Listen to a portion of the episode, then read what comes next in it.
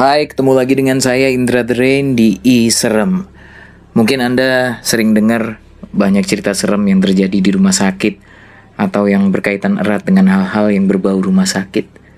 Seperti kali ini, cerita seremnya datang dari orang yang profesinya mengharuskan dia beberapa kali berurusan langsung dengan pasien rumah sakit. Dikirim oleh Vika ke DM-nya Instagram podcastrsj. Oh iya, kalau Anda ingin ikut berbagi cerita serem, punya pengalaman pribadi yang ingin Anda ceritakan, langsung kirimkan boleh sama lewat DM ke IG-nya at podcastrsj ya. Dan eh, kembali lagi ke cerita Vika tadi, pengalaman serem ini dialami langsung oleh ayahnya Vika. Beliau ini berprofesi sebagai pengusaha distributor tabung oksigen dan beberapa kliennya adalah pasien yang menjalani perawatan di rumah. Mau tahu cerita selengkapnya?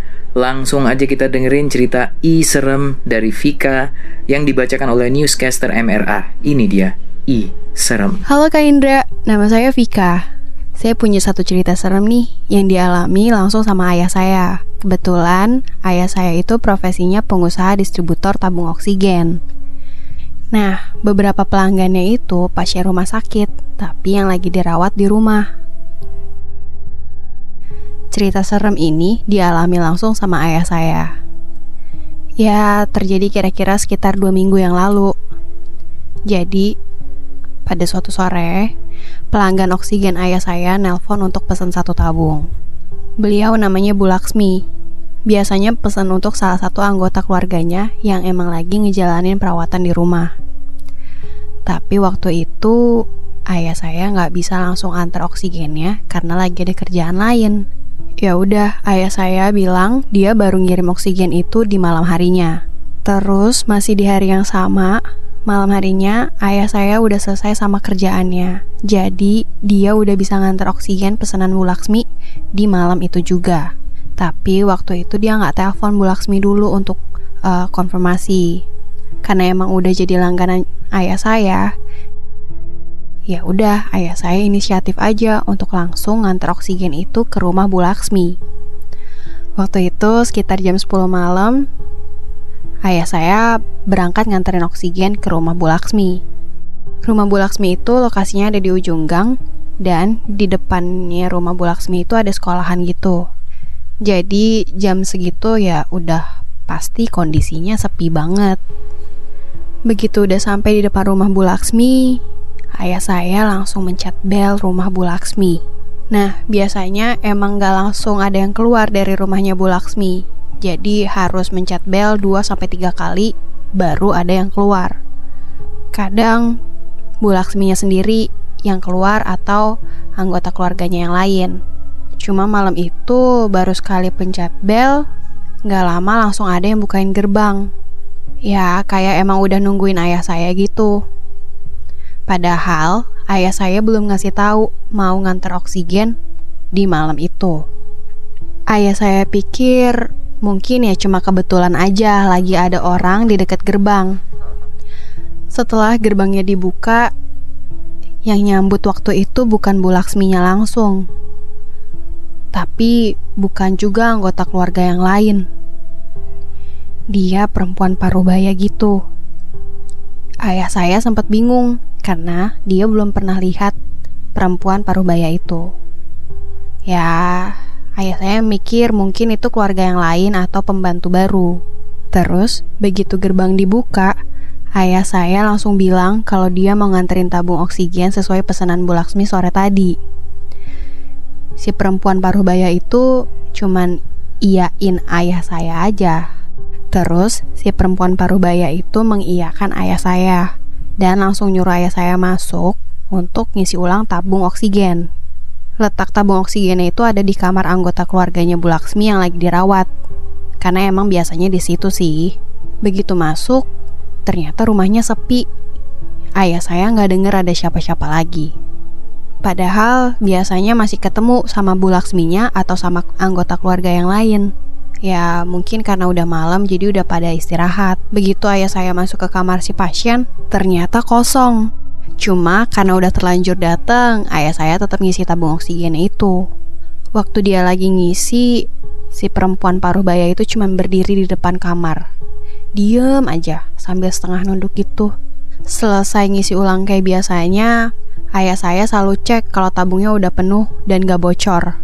Ya, untuk memastikan aja sih. Pokoknya sampai semuanya aman. Baru deh ayah saya keluar untuk ngurusin pembayaran. Nah, begitu selesai, ayah saya langsung bilang ke si perempuan parubaya itu kalau oksigennya udah selesai diisi ulang. Si perempuan parubaya itu nanya berapa harganya. Biasanya kalau bukan Bu Laksmi yang terima, Bu Laksmi tuh selalu udah kasih tahu harganya ke siapa pun yang bayar. Tapi ya udah dijelasin lagi, harganya segini. Kata ya saya. Tapi ternyata Bu Laksmi belum nitipin uangnya. Katanya nanti Bu Laksmi sendiri yang akan bayar. Ya, ayah saya sedikit bingung. Mungkin Bu Laksmi lagi nggak di rumah atau udah tidur. Jadi si perempuan ini gak enak bangunin untuk minta uang karena pembayarannya juga belum selesai dan dibilang Bu Laksmi yang akan bayar langsung. Jadi habis itu ayah saya langsung pulang. Sampai rumah dia cerita ke saya. Dia bilang, ya ada yang aneh sama kondisi yang barusan dia alami. Kalau dipikir-pikir agak serem juga katanya. Cerita berlanjut. Besok sorenya, ayah saya dapat telepon lagi dari Bu Laksmi. Dia nanya, oksigen pesanannya kemarin udah bisa dikirim atau belum? karena mau langsung dipakai untuk nanti sore. Ayah saya bingung dong, heran gitu. Karena kemarin banget ayah saya baru ngirimin oksigen ke rumahnya Bu Laksmi. Tapi karena malas riba jelasin ini itu di telepon, ya udah ayah saya tetap nganterin oksigen pesanannya Bu Laksmi sore itu juga. Sepanjang perjalanan, ayah saya agak bingung sama kejadian kemarin. Tapi dia mikir mungkin perempuan parubaya yang kemarin itu belum ngasih tahu Bu Laksmi kalau oksigennya udah diantar. Sesampainya di rumah Bu Laksmi, ayah saya ketemu langsung sama Bu Laksmi. Ayah saya langsung bilang kalau kemarin tuh sebetulnya udah nganterin oksigen pesanannya Bu Laksmi. Tapi kata Bu Laksmi, dia malah nanya balik sama ayah saya. Katanya gini, kemarin kapan? Siapa yang nerima? Kemarin itu rumah kosong pak Saya sekeluarga ke rumah sakit Saat itu juga ayah saya langsung kaget Dia merinding Tapi sambil coba jelasin pelan-pelan ke Bu Laksmi soal kejadian kemarin Ayah saya bilang Kemarin ada perempuan parubaya di rumah ini yang nerima saya bu Mungkin saudara ibu yang lain Atau mungkin pembantu baru Gitu kata ayah saya Bu Laksmi juga jadi ikutan heran Terus dia bilang kalau dia nggak pakai pembantu sama sekali. Kemarin juga semua keluarganya itu ke rumah sakit karena si Mbak Ina, keluarga Ibu Laksmi yang dirawat di rumah, itu harus dibawa ke rumah sakit. Ayah saya kekeh kalau kemarin dia bahkan masuk ke kamar Mbak Ina untuk ngisi ulang oksigennya. Karena ayah saya sama Bu Laksmi heran, ayah saya bilang ke Bu Laksmi, gimana kalau kita ngecek oksigen yang kemarin saya isi? Kalau isinya masih full, berarti benar. Saya kemarin udah isi ulang. Karena masih bingung, Bu Laksmi pun ngeiyain. Akhirnya mereka berdua masuk ke kamarnya Mbak Ina. Begitu sampai di kamarnya, ayah saya langsung ngecek tabung oksigen yang semalam diisi.